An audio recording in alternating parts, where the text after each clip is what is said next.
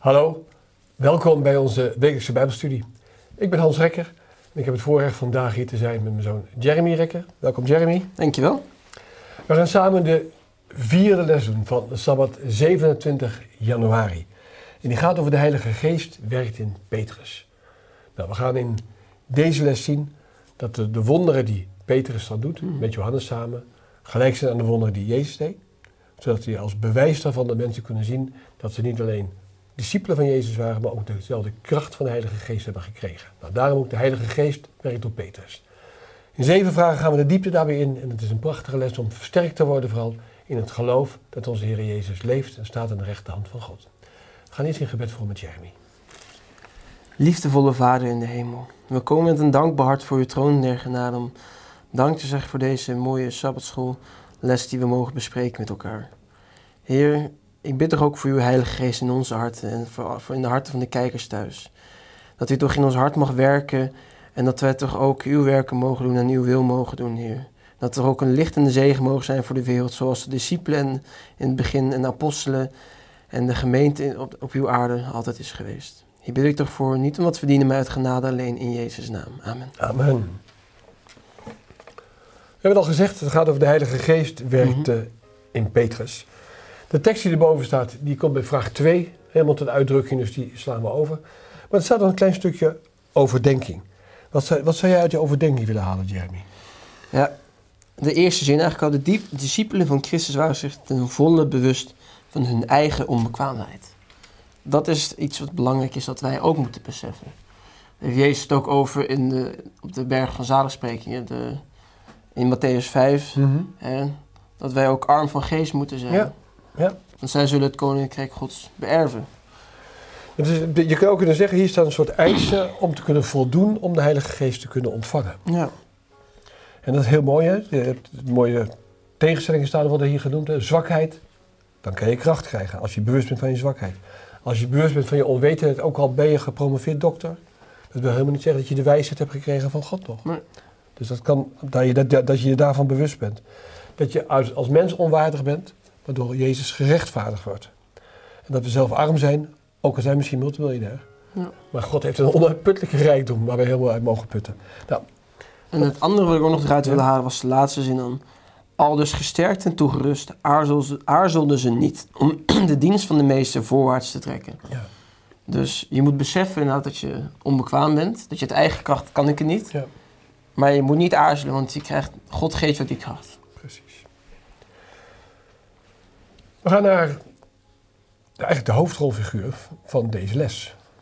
En dat is iemand die niet kan lopen, een verlamde man. Ja. En we gaan in deze vraag zien dat hij al van geboorte af verlamd was. Kreupel wordt er genoemd.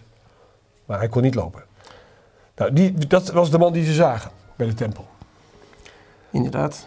En ze zagen hem in dat geval rond, nou, rond drie uur 's middags. Dat was Precies. blijkbaar het, het negende uur. Ja. En dat was blijkbaar het uur van het gebed. Ja. Op dat moment. Ja.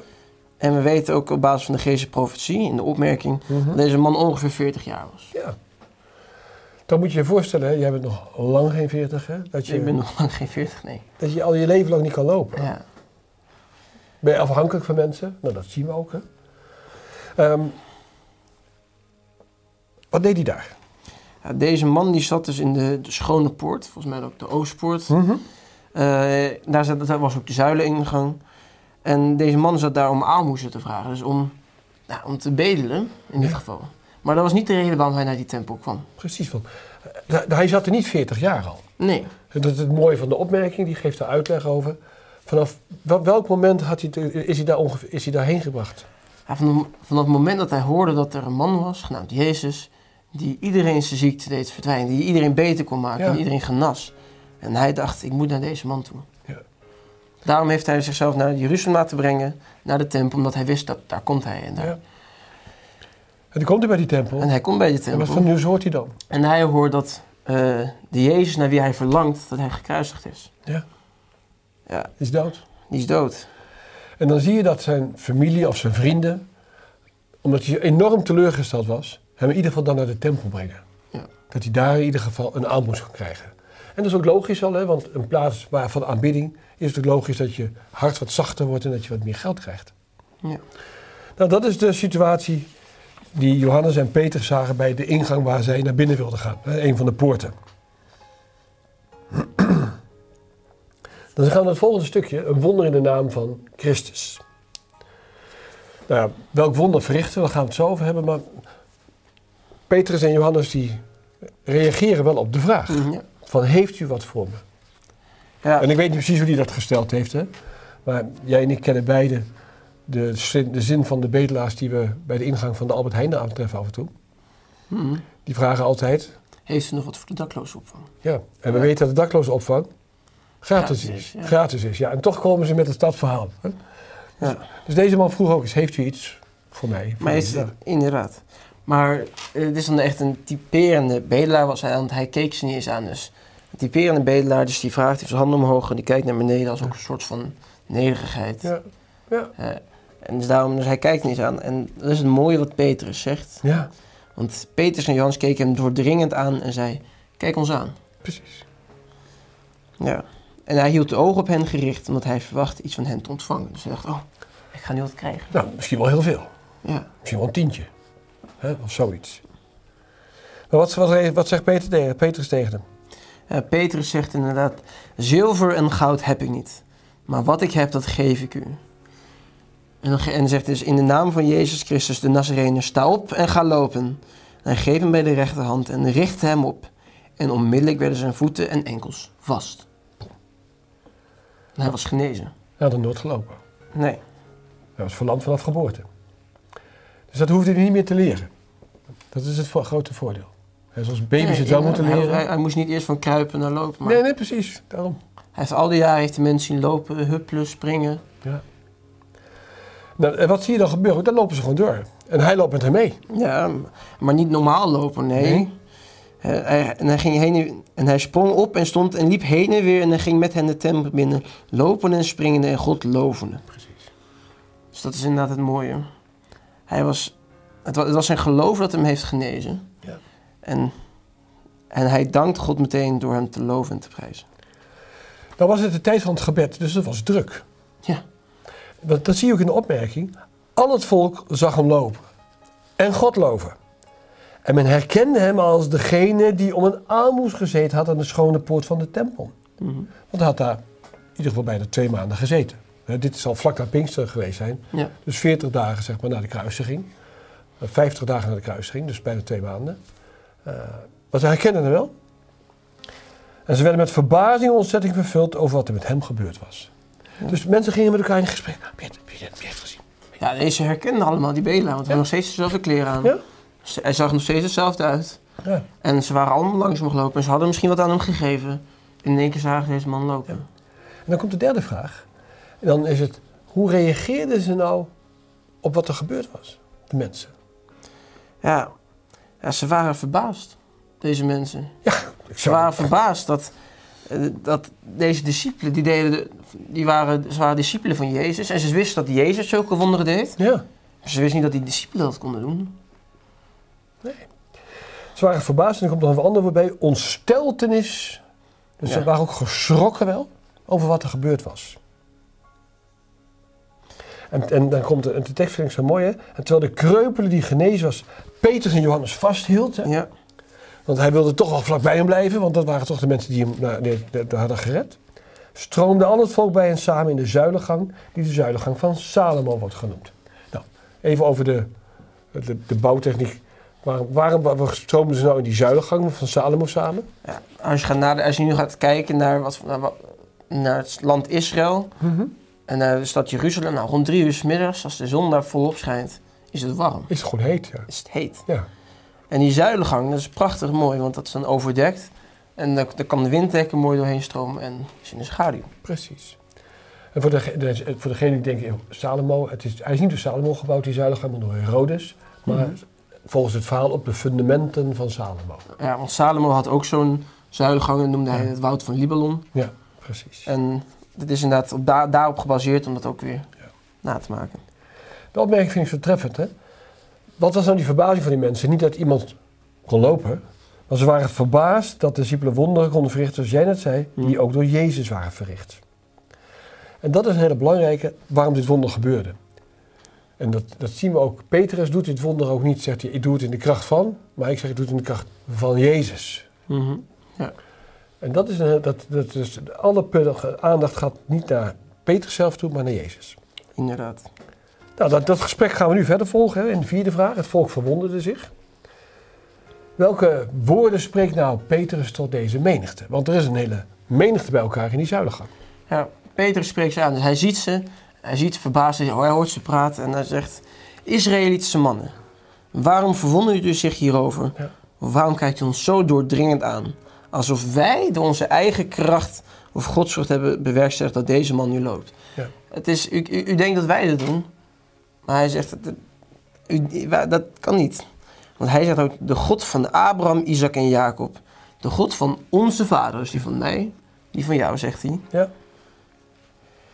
heeft zijn kind Jezus verheerlijkt, die u hebt overgeleefd Ja. en u hebt hem verloochend voor Pilatus toen hij oordeelde dat men hem zou loslaten. ja. Ja, Het mooie in deze gesprekstechniek is dat hij als eerste teruggeeft wat de mensen ook ervaren. Verwondering. Mhm. Dus hij geeft het ook terug en daarmee laat hij ook zien, ik snap wat er bij jullie gebeurt. Ja. En dat is een goede les voor ons, hoe je een gesprek goed kan hebben. Dat je eerst inleeft in wat de ander beweegt. En daardoor wordt je wat makkelijker ontvangen. En dan als eerste leidt je naar hun gemeenschappelijkheid. Een hele mooie gesprekstechniek, hè? ja. Inleven, dit hebben we samen. Is de God, Isaac, mijn, onze God. Ons, ja, het is onze God en onze voorvaderen. En dan direct naar de, gaat hij door naar Jezus. Ja. Het kind Jezus, wat de hemelse vader. Daardoor is het gebeurd. En daar kunnen we zoveel van leren van op deze manier hoe de Heilige Geest zo'n gesprek leidt voor Petrus. nou, daarom staat het ook voor ons opgeschreven. Ja. En dat is ook het mooie in de opmerking in de laatste paar zinnen. De, si- de, de, de discipelen verklaarden. En op het geloof in zijn naam heeft zijn naam deze, die gij ziet en kent, sterk gemaakt. En het geloof door hem heeft hem dit volkomen herstel gegeven in uw aller tegenwoordigheid. Ja. Dus inderdaad, het, het is ook niet een een herstel als een beetje. Het is ook niet dat hij nou, inderdaad, hij, gaat, hij kan weer kruipen. Ja. Maar hij wordt volledig hersteld. En dat is alleen maar door het geloof. Het grote verschil is namelijk als je de wonderen van Jezus ziet en van Petrus. Ze zijn wel met hetzelfde effect. Maar Jezus verbond er altijd vast, je zonden zijn je vergeven. Ja. Dat zie je bij de discipelen, bij Paulus, bij Inderdaad. Petrus niet. Want Nee. wij mensen kunnen geen zonde vergeven. Nee, Jezus zei inderdaad, ga heen en zondag niet meer. Ja. Dus dat is een hele, Klopt. boei, een hele boeiende vers- verschil van deze. Het was hetzelfde wonder, maar met een andere manier. Omdat het niet, wij doen het niet uit eigen kracht. Jezus Nee. deed het uit kracht van zichzelf, van zijn goddelijkheid. Mhm. Die hij van God kreeg, overigens. Ja. Nu gaan we naar de, nog verder iets ontleden wat, hoe dat gesprek gegaan is. Omdat het belangrijk is om te begrijpen eh, hoe zo'n gesprek van Petrus en Johannes gegaan is. Dat het niet zomaar een babbeltje is geweest. Nee. Je ziet hier heel duidelijk in dat, in, die, in dat gesprek dat ze geleid worden door de Heilige Geest. Ja. Want het is, in een, het is een manier van liefde. Ook al zou je dat misschien eerst anders niet denken. Want hij, hij, hij, hij valt ze toch aan door te zeggen Ja. dat ze... Jullie hebben dat gedaan. Jullie hebben het gedaan. Ja. Maar het is een vermaning in liefde. En ook hè, de vijfde vraag, ook, Ja. maar ook weer begrip. Ja. Waardoor deze mensen ook tot bekering kunnen komen. ja, welke woorden van vermaning en begrip haal je nou uit het stukje van Handelingen 3? Ja, de vermaning is heel duidelijk in het eerste stukje. Mhm. U echter hebt de heilige en rechtvaardige verlogend Ja, en gevraagd dat u een moordenaar geschonken zou worden, maar de vorst van leven hebt u gedood. bam. Dat is de vermaning. Ja, En hij, hij gaat er niet omheen van, ja jongens, wat jullie hebben gedaan, is eigenlijk wel een beetje verkeerd. Hè? Ja. Nee, hij, hij, hij zegt het waar het op staat. Want we mogen het kwaad ook niet mooier maken dan het is. hij benoemt gewoon wat er gebeurd is. Ja. Ja. En inderdaad, maar hij toont ook een begrip. En hij zegt ook, en nu weet ik, broeders, dat u het uit onwetendheid gedaan hebt. Ja. Evenals uw leiders. Dus inderdaad, hij zegt ook, je bent inderdaad een product van hetgeen waar je naar hebt geluisterd. En, en daar heeft hij begrip voor. Het is mooi om dat te zien. Omdat hij ze weer het inlevend vermogen heeft Mhm. en overgevensgezind is. Dus hij oordeelt niet over ze. En dan zegt ook nog een keer als laatste stukje bij, we hadden het toch allemaal kunnen weten. Bij monden van al zijn profeten was het aangekondigd dat het dit zou gaan gebeuren. Ja. Inderdaad, ze kenden allemaal Jezaja 53. Ze waren niet voor niks in de tempel. Het waren geen ongelovige mensen. Het waren allemaal mensen die de profeten kennen. Ja. Opmerking zegt erover, hij verklaarde dat de Heilige Geest hem maande tot berouw en bekering. En dat er geen hoop op verlossing was, alleen door de genade van die ene die zij hadden gekruisigd. En dan vind ik het mooie, dat je ziet dat er heel veel mensen op dit getuigenis hadden gewacht. En toen ze het hoorden, geloofden ze. Ja. Dus daarom is het zo belangrijk dat als je iets ziet en benoemt en je geeft het de juiste lading, dat dat soms is waar mensen op gewacht hebben. Ja. Al is het niet degene waar je mee spreekt, maar wel degene die het misschien hoort, die ernaast staat. Ik denk, Ja. Wow, dat zit ik op te wachten. Inderdaad. En 2000 jaar later mogen we nog steeds het goede nieuws vertellen. Ja, waarom? Inderdaad. Hij stopt niet met alleen dit. Nee. Dus de zesde vraag gaat over, hoe gaat hij nou verder? Ja. Dus hij, heeft- hij legt het ze uit, dus hij heeft ze vermaand, hij heeft Ja. begrip getoond. En dan tot, als tot slot beroept hij ze tot inkeer. Ja, En hij zegt dus, kom dus tot inkeer en bekeer u. Omdat uw zonde uitgewist worden en de tijden van de verkikking zullen komen. Hij zegt niet, kom naar mij toe, want ik ga je zonde vergeven. nee, Nee, kom dus tot inkeer en bekeer u. precies. Het is zo belangrijk dat, dat, dat, je, dat je gaat snappen, dat is inkeer komen. En dat je gaat veranderen, dat is bekeren. Ja. Dus je kan niet zeggen, ja, maar ik heb spijt van al mijn zonden. En je draait je om en je gaat weer door op het oude weg. Nee, bekeren betekent dat je verandert. Mhm. Nou is het niet voor iedereen hetzelfde moment. Of dezelfde manier. Sommige mensen kunnen daadwerkelijk van de een op de andere dag hun hele leven echt omgooien. Ja. Maar de meeste, waar ik ook toe behoor, is dat het een proces is waar je aan moet wennen. Wat je moet afleren. En de eerste stap is de eerste stap. Bekeer u. Zorg dat je anders gaat worden. Gods doel, uiteindelijk, met ons mensen. Ja. De zevende vraag. Wat was nou Gods gezegende doel door het sturen van zijn zoon, Jezus Christus? Ja. Het gezegend doel was om ons te zegenen. Ja. En dat hij ieder van u zou afbrengen van zijn slechte daden. Dus dat, dat wij gereinigd mogen worden Ja. door zijn werken. Het is mooi hè, om te zien dat dit het doel is. Het is niet het doel om mensen te oordelen, maar om ze te redden. Ja. En dat gaan we ook in, in, in, de, in de overdenking zien, of de opmerking in de overdenking die verder gaan. Dat het niet klaar is voor Johannes en Petrus. Nee. Ja, deze, dit wonder is gebeurd. En het is niet onopgemerkt gebleven. Het Nee. ging als een lopend vuurtje. Het was daar in de tempel waar honderden, misschien wel duizenden mensen waren. En die hebben het weer verteld. Ja. En ze kunnen natuurlijk ook, ze hoor- hebben ook de verhalen gehoord Ja. over het Pinksteren. Hè, dat in één keer mensen in, andere Ja. in, in elkaar konden verstaan, die normaal gesproken andere talen spraken. En het allemaal, ja, dat, dat heeft hun gesterkt in hun bekering in dit geval. De opmerking zegt natuurlijk heel mooi. Hè? God gaf in zijn barmhartigheid nog nadere bewijzen. En nu werd er nog een gelegenheid gegeven om zich tot hem te wenden. Ja. En dat is zo mooi ook voor onszelf. Hè? Dat wij ook de herkansing krijgen in het geloof. Dat God ons ook wil laten zien, Jezus is voor jou gestorven. Voor mij en voor jou. Maar ook voor u allemaal. En dat we een kans hebben om daar een beroep op te doen en gered te worden voor de eeuwigheid. Klein stukje van overdenking. Wat heb jij eruit gehaald? Ja, om die, ja, wat ik inderdaad sowieso al eruit haal is dat Peter hier in dit geval bij een plek komt waar hij Jezus eerst heeft verloochend. Ja. Maar, en dan, en, en in dit, maar, Je, maar Petrus die wil Jezus niet meer verloochenen en hij is volledig bekeerd. Dus, en dan wil ik het stukje lezen. Maar de Petrus die Christus in het uur van zijn grootste nood verloochende, was driftig en zelfgenoegzaam. En verschilde als zodanig hemelsbreed van de Petrus die nu voortstanden erin werd geleid om ondervraagd te worden. En hij was niet langer trots en niet meer vol grootspraak, maar hij was bescheiden en vertrouwde en niet meer op zichzelf. Ja. Hij was vervuld met de Heilige Geest en had besloten met de hulp van deze kracht de schandvlek van zijn ontrouw uit te wissen door de naam van hem die hij eens had verlogen te eren. Mooi hè? Ja, We zijn aan het einde van deze les gekomen.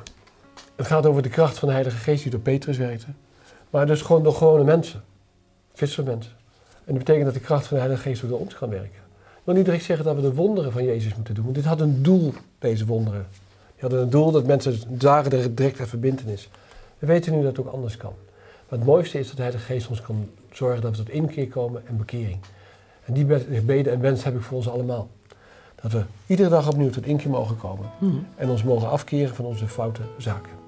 De Heer zegen u en we zien elkaar graag de volgende keer.